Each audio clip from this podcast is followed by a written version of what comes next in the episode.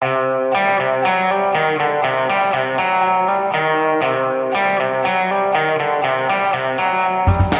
Er karikaturen død? Vi stiller spørsmålet til en høyst levende karikaturtegner. Eh, Og Kjell Ingolf Ropstad bodde i familieleilighet betalt av staten, mens han leide ut bolig i Lillestrøm og hadde bostedsadresse på gutterommet hos mor og far. Visstnok i pakt med regelverket, men får det politiske konsekvenser for Ropstad eller Kristelig Folkeparti? Det er det vi skal diskutere her i Giæver og gjengen mandag den 6. september. Ja, eh, Hanne Skartveit, eh, politisk redaktør i VG. Aller først. Er denne saken slik jeg framstilte den i innledningen? Ja. Ja. Det er ikke noe tvil om det? Nei. Han, altså eh, barne- og familieministeren, har fått øh, øh, boligen sin, hvor han bor med familie, med kone og barn og i det hele tatt, betalt av skattebetalerne øh, fordi han har latt som, eller liksom bostedsregistrert seg på, på hybel hos foreldra sørpå. Ja, og regel, dette er helt i tråd med regelverket, at man eh, skal kunne ha da, sier reglene at det må være et rom hvor man har ubegrenset tilgang, slipper å være invitert av foreldrene. Dette var, jeg tror det var i 1997 at man presiserte dette i regelverket, eh, og det har han hatt. Men han har jo da samtidig, som du sier, kjøpt en leilighet på Lillestrøm, en del av en tomannsbolig sammen med søsteren sin, og hatt betalt eh, leilighet, stortingsleilighet, betalt av skattebetalerne i mange år. Er dette noe man kan gjøre fordi man bare sånn glemmer seg litt, eller, eh, eller er det, er det noe scenario som gjør det sannsynlig at han kan ha gjort dette uten å tenke over det? Nei, han har jo hele tiden vært åpen med Stortingets administrasjon om det, og det har vært innenfor regelverket. Og så er spørsmålet, som da Erna Solberg har vært tydelig på i dag, at det, må jo være innenfor intensjonen bak regelverket òg. Og det er det man kan lure på her.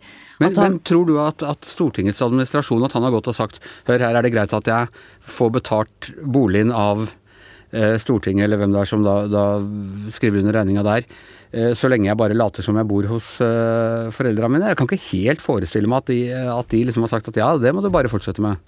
Nei, det som er reglene, da Nå ble jeg kanskje veldig spesifikk. Det som er reglene her, er at du må være folkeregistrert eller eh, hjemfylket, eller ikke ha en, hva skal jeg si, en ekte bolig eller bolig, et annet hjemsted innenfor 40 km. Men om du da velger å investere pengene dine i en leilighet eller hvor du ikke bor, så er det da regelverket er sånn. Så han har spilt med helt åpne kort overfor Stortinget hele veien.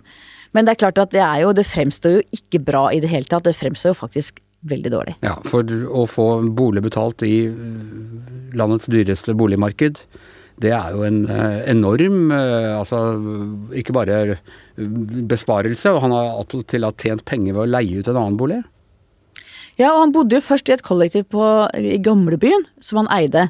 Og da eh, ble eh, Da eh, fikk han ikke lenger Da fikk han ikke dekket eh, noe, selvfølgelig. Eh, Og så solgte han den, og da fikk han en stortingsleilighet. Samtidig så var det da han fikk familie, kone, barn, trengte noe annet enn å bo i et kollektiv. Så det er klart eh, Jeg vet ikke helt hva han har tenkt. Han er jo ikke noe skurk, men jeg tror han har eh, opptrådt veldig lite skjønnsomt. Kan man dette er sånn, det er ikke mange eksempler på at dette har skjedd. Nei, Det er noen eksempler opp gjennom årene på at det har skjedd, men det er ikke vanlig, nei. Nei. Roar Hagen, ofte en kontrær stemme på morgenmøtene i eh, leder- og kommentaravdelingen i VG. Hva, hva tenker du om dette? Jeg tenker jo at han dummer seg ut, da. Men eh, det rette målet for kritikken her er jo Stortinget, som, som har bevilga fantastiske ordninger til seg sjøl på, på et bredt spekter av, eh, av gode. Men dette er jo ikke altså bevilget i seg selv, det er når man setter opp lønningene eller gir eh, gode dietter eller Dette er ikke noe som eh, det store gross av stortingsrepresentanter har, har tjent mye penger på. Det er, jo, det er jo fordi en fyr har vært eh, relativt skamløs i å utnytte reglene. Ja da, du, du kan godt si det, men hvis han ikke har brutt reglene likevel, så sitter vi igjen med en slags skam, og det er jo en, en, en subjektiv greie. ikke sant? Kan, du kan ikke tiltale en mann for, for, for, eh, dårlig skjønn, eller dårlig det blir, en, det blir et spørsmål om tillit, da. Politisk sett så kan du vel kanskje Politisk sett kan det ha det. Og, og det setter jo hele Stortingets eh, særordninger i et spesielt lys. Da må jeg få lov til å si at det her er jeg veldig uenig med tegneren. Ja vel. Eh, fordi at det hele, Vi må huske at hensikten bak dette er at vi har folkevalgte fra hele Norge. Folk fra Sunnmøre må kunne sitte på Stortinget og ha kontakt med sine velgere i hjemfylket, samtidig som de bor i Så hensynet her er jo at stortingsrepresentanter fra hele landet skal kunne ha et bosted i sitt eh, hjemfylke og ha kontakt med velgerne der. Og at det ikke skal koste dem noe mer. Nei, at det skal kompensere for den merkostnaden det er å ha to eh, husholdninger. Eh, så der vil jeg si at der er jeg mer distriktsvennlig enn deg akkurat nå, Roar. Jo, jo, men eh, jeg tror, jeg tror kanskje du misforsto meg litt. Fordi, Ja for, fordi, fordi at eh, Selvfølgelig må stortingsrepresentanter kunne bo og, og på en måte opprettholde to, to hjem. I, det, i, den, I den perioden du sitter på Stortinget, da er du jo vekke fra familien din. og Det vil jo måtte være forskjellige ordninger der. Så, men det er jo klart, for, for eh, Ropstad så er jo dette her litt uheldig, da. Etter valginnspurten. Veldig, særlig når vi vet at KrF ligger jo nå og bikker på sperregrensa. Ja. Og en sånn Jeg tror ikke liksom kjernevelgerne på Sør- og Vestlandet syns dette er eh, noe å juble for. Hvor uheldig er det? Hvor store konsekvenser Altså Nå er det jo valg som kanskje tar finner en hva skal jeg si, biologisk løsning på det hele, men, men øh, hvis det ikke hadde vært valg, da, hadde han måttet gå på noe sånt, tror du? Det syns jeg er vanskelig å bedømme, for at det er jo som sagt ikke regelbrudd. Og vi veit jo ikke helt Vi har ikke fått ordentlig hans versjon på hva er det som ligger bak dette. Var det fordi han plutselig fikk kone og barn og trengte noe annet Det er og grenser for hvor plutselig du får kone og barn. jo, jo. Nei, men Det tror jeg er for tidlig å si Anders, om han måtte gått eller ikke. Men det er ikke tvil om at dette er en veldig stor skrape i lakken. Det tror jeg Roar og jeg er helt enige om. Ja, det er vi enige om, men, men Erna kan jo ikke kvitte seg med en statsråd pga. noe som er innenfor regelverket. Ja, kunne det var hun vel klar seg- på at hun ikke ville gjøre. Ja, men hun kan kvitte seg med eh, mannen av andre grunner, selvfølgelig. Eh, det- Og velgerne kan, kan, kvitte seg med ham. Absolutt. Men jeg, jeg tror at stormen mot, mot Ropstad, hvis den blir sterk nok, så kan det jo også slå til hans fordel. Ja, for da får du litt en medieoffer, eller liksom nå er alle ute etter den, og, Ja. og mediene lager Du skriver om det på lederplass i morgen, eh, Hanne. Ja. Eh, hva skriver du? Eh, Vi at dette er uheldig, og så må jeg gå litt dypere inn i hele regelsettet før jeg konkluderer endelig. Men det er klart at dette fremstår ikke bra i det hele tatt. Og med all respekt for, de, for dine ledere, hva tegner du til dette her i morgen? eh, Nei, jeg vet ikke om det blir det i det hele tatt. fordi det, Kanskje det blir noe på korona, men det, vi får se. Kanskje jeg må lage noe på Har du ingen idé du vil dele med oss? Hva, hva, tenk, hva er ditt indre bilde når du Min, mitt indre instinkt når alle jager Ropstad, det vil være i- ikke ta mannen i forsvar, så nyanser, Ja. hvis du kan. Hvis, hvis det finner en åpning. Men det, Lynsjmobben med tente fakler eh, Nettopp. går mot Frankensteins eh, nettopp. nettopp. Frankensteins Så, borg. nettopp. Så, så vi, vi får se. Ok, ok. Det blir spennende å følge. og Det, altså, det hadde jo utspilt seg på en annen måte om det ikke hadde vært valg om en uke. Uh, tror du ikke det? Jo, absolutt. Absolutt. Ja. Nå kommer vi til valgkampen, og det er på en måte da spilt seg mer ut uten valgkamp. Samtidig så kan det få veldig store konsekvenser for Ropstad KrF, nettopp fordi at det er i innspurten av valgkampen. Ok. Ja, vi skal uh, snakke om uh, en annen ting. Det har kommet en uh, bok om, om karikaturtegningenes historie. Av Ærlige Marie Sørheim. Du har skrevet om den i dag, Roar. Det er ikke så ofte du skriver på, på, på leder- og kommentarplass, men du har gjort det i dag. Det trekker hele karikaturens historie tilbake liksom fra før bokstrykkerkunsten. Og du skriver, du stiller spørsmålstegn om karikaturtegningen slik vi kjenner den, altså eh, avistegningen, aviskommentaren, er i ferd med å dø. Ja, iallfall så forsvinner den fra mange aviser. Eh, Av forskjellige grunner. Eh, Karikaturstriden, dårlig økonomi, overgang til nett. Hvor man ikke finner liksom helt nøkkelen. Eh, Men det som har gått igjen Ja, for publisering, liksom. At den I- eh, ja, ikke har en ja. plattform på samme måte. Hvordan skal vi plassere den? Eh, redaktørene klarer ikke å bestemme seg rundt omkring, osv. Så, videre. så mitt anliggende er jo å slå et slag for at karikaturen hører hjemme i pressen. Hører hjemme i ytringsfriheten, det hører hjemme i demokratiet som et veldig viktig språk. Og spesielt nå når vi går inn i et mer og mer mangfoldig samfunn, så er det veldig viktig å ha dette her som en ekstra eh, arena for meningsbrytning osv.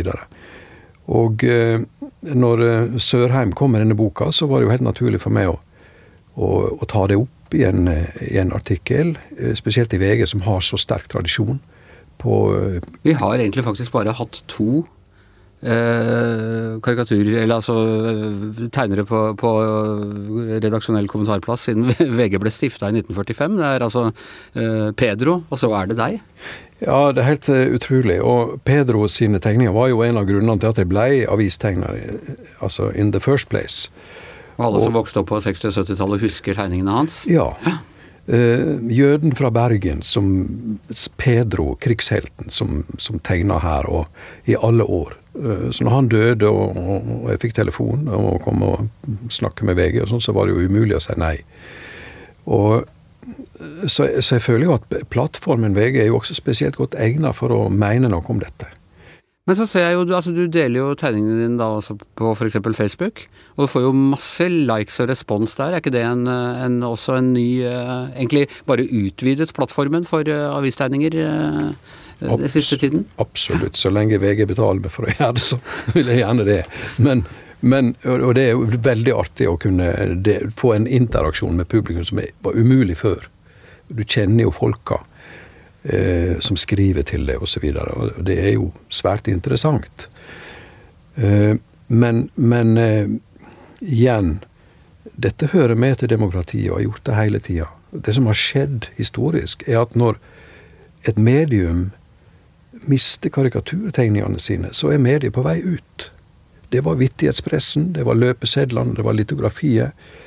Og, og, det er jo veldig viktig at, at pressen forstår at dette, dette, hører med til det samfunnsoppdraget som vi har fått av grunnlovsfedrene våre. Men har ikke de fleste aviser, i hvert fall de store norske, har tegnere fremdeles? Av de som alltid har hatt det, i hvert fall? Nei, ja.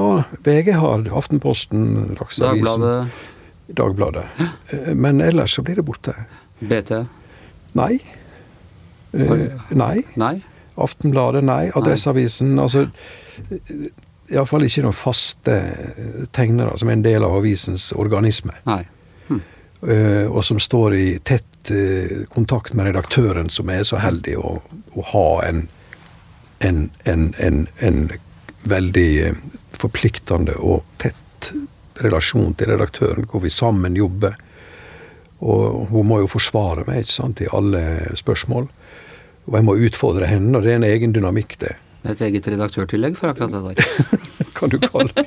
Men det er jo en veldig fascinerende måte å jobbe på. Ja. Og, og, dette unner jo også mine etterkommere. Mine eventuelle etterfølgere. Altså framtida må jo kunne også ha dette. Ja, men, men, men, jeg lurer litt på hvorfor du ser så mørkt på det. For jeg tenker at ok, altså ting er jo for oss alle blitt annerledes etter at uh, internettet kom, og vi har vi som kommenterer og sånne ting. Vi sitter ikke aleine på tuen og liksom forteller folk hva de skal mene lenger på samme måte. Der du får en direkte respons og, og konkurranse via uh, sosiale medier og sånn. Og, uh, og, og, jeg tenker jo også at det er Altså tegningene deles da, og, og, brukes på en måte på en helt, helt ny måte. Det er, en, det er også en voldsom sjanse for karikaturen og den tradisjonelle tegningen til å finne nye måter å kommunisere på? Absolutt. Men hvis du ser på utviklinga i Amerika, både for pressen og for karikaturmediet, så er det jo katastrofalt, egentlig. Og avisene blir jo borte. Avisene er ikke relevante. Uh, og i hvert fall ikke kontroversielle. Og så har du da denne eh, polariserte kulturen som gjør at veldig mange blir nervøse for satire osv. Så, videre. så Så det, det er ikke pessimisme jeg prøver å kjenne i dag. Det er mer en påminnelse om hva dette er, og hvor viktig det er. Hva tror du, Anne, er grunnen for karikaturtegnerne og, og øh, de tradisjonelle avistegnerne å frykte framtida? Eh, jeg tror ikke det, og jeg håper at eh, Roar tar feil. For det er klart at karikaturen er utrolig viktig. Jeg tror mange politikere mer, frykter mer Roar og hans strek enn de frykter oss som skriver, for at en tegning er så visuell. Den setter seg. Bare ser på bildene. ja. jeg tror at det er en kraft i det som, som blir borte hvis karikaturen skal bli borte. Ja, øh... Men la, la meg få, få, som jeg også skriver, at jeg er veldig glad for å få jobbe i VG, som har denne som har dette inne i sitt DNA, det er mer en, en, eh, en påminnelse om hva som står på spill ellers. Og for alle som mister jobben. og for eh, ja, demokrati, om du vil. Den store samtalen som vi må ha. Og hvor dette er en av de verktøyene som eh, et medium bør holde seg med, sammen med det andre, som til sammen utgjør en redaksjonell slagkraft.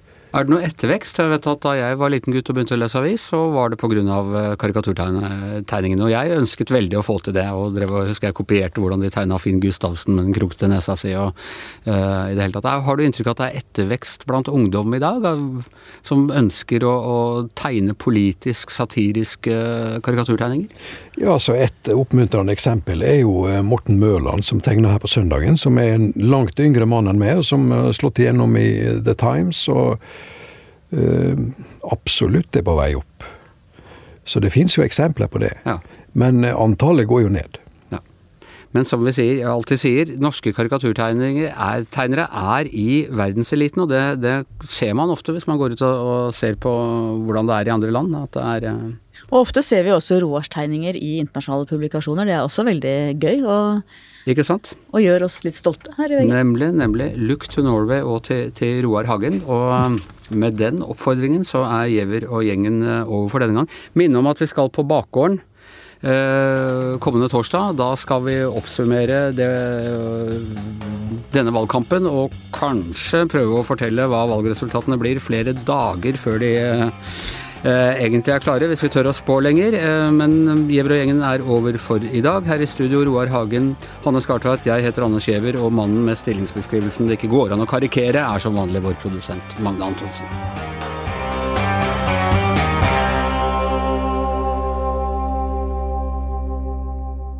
Du har hørt en podkast fra VG.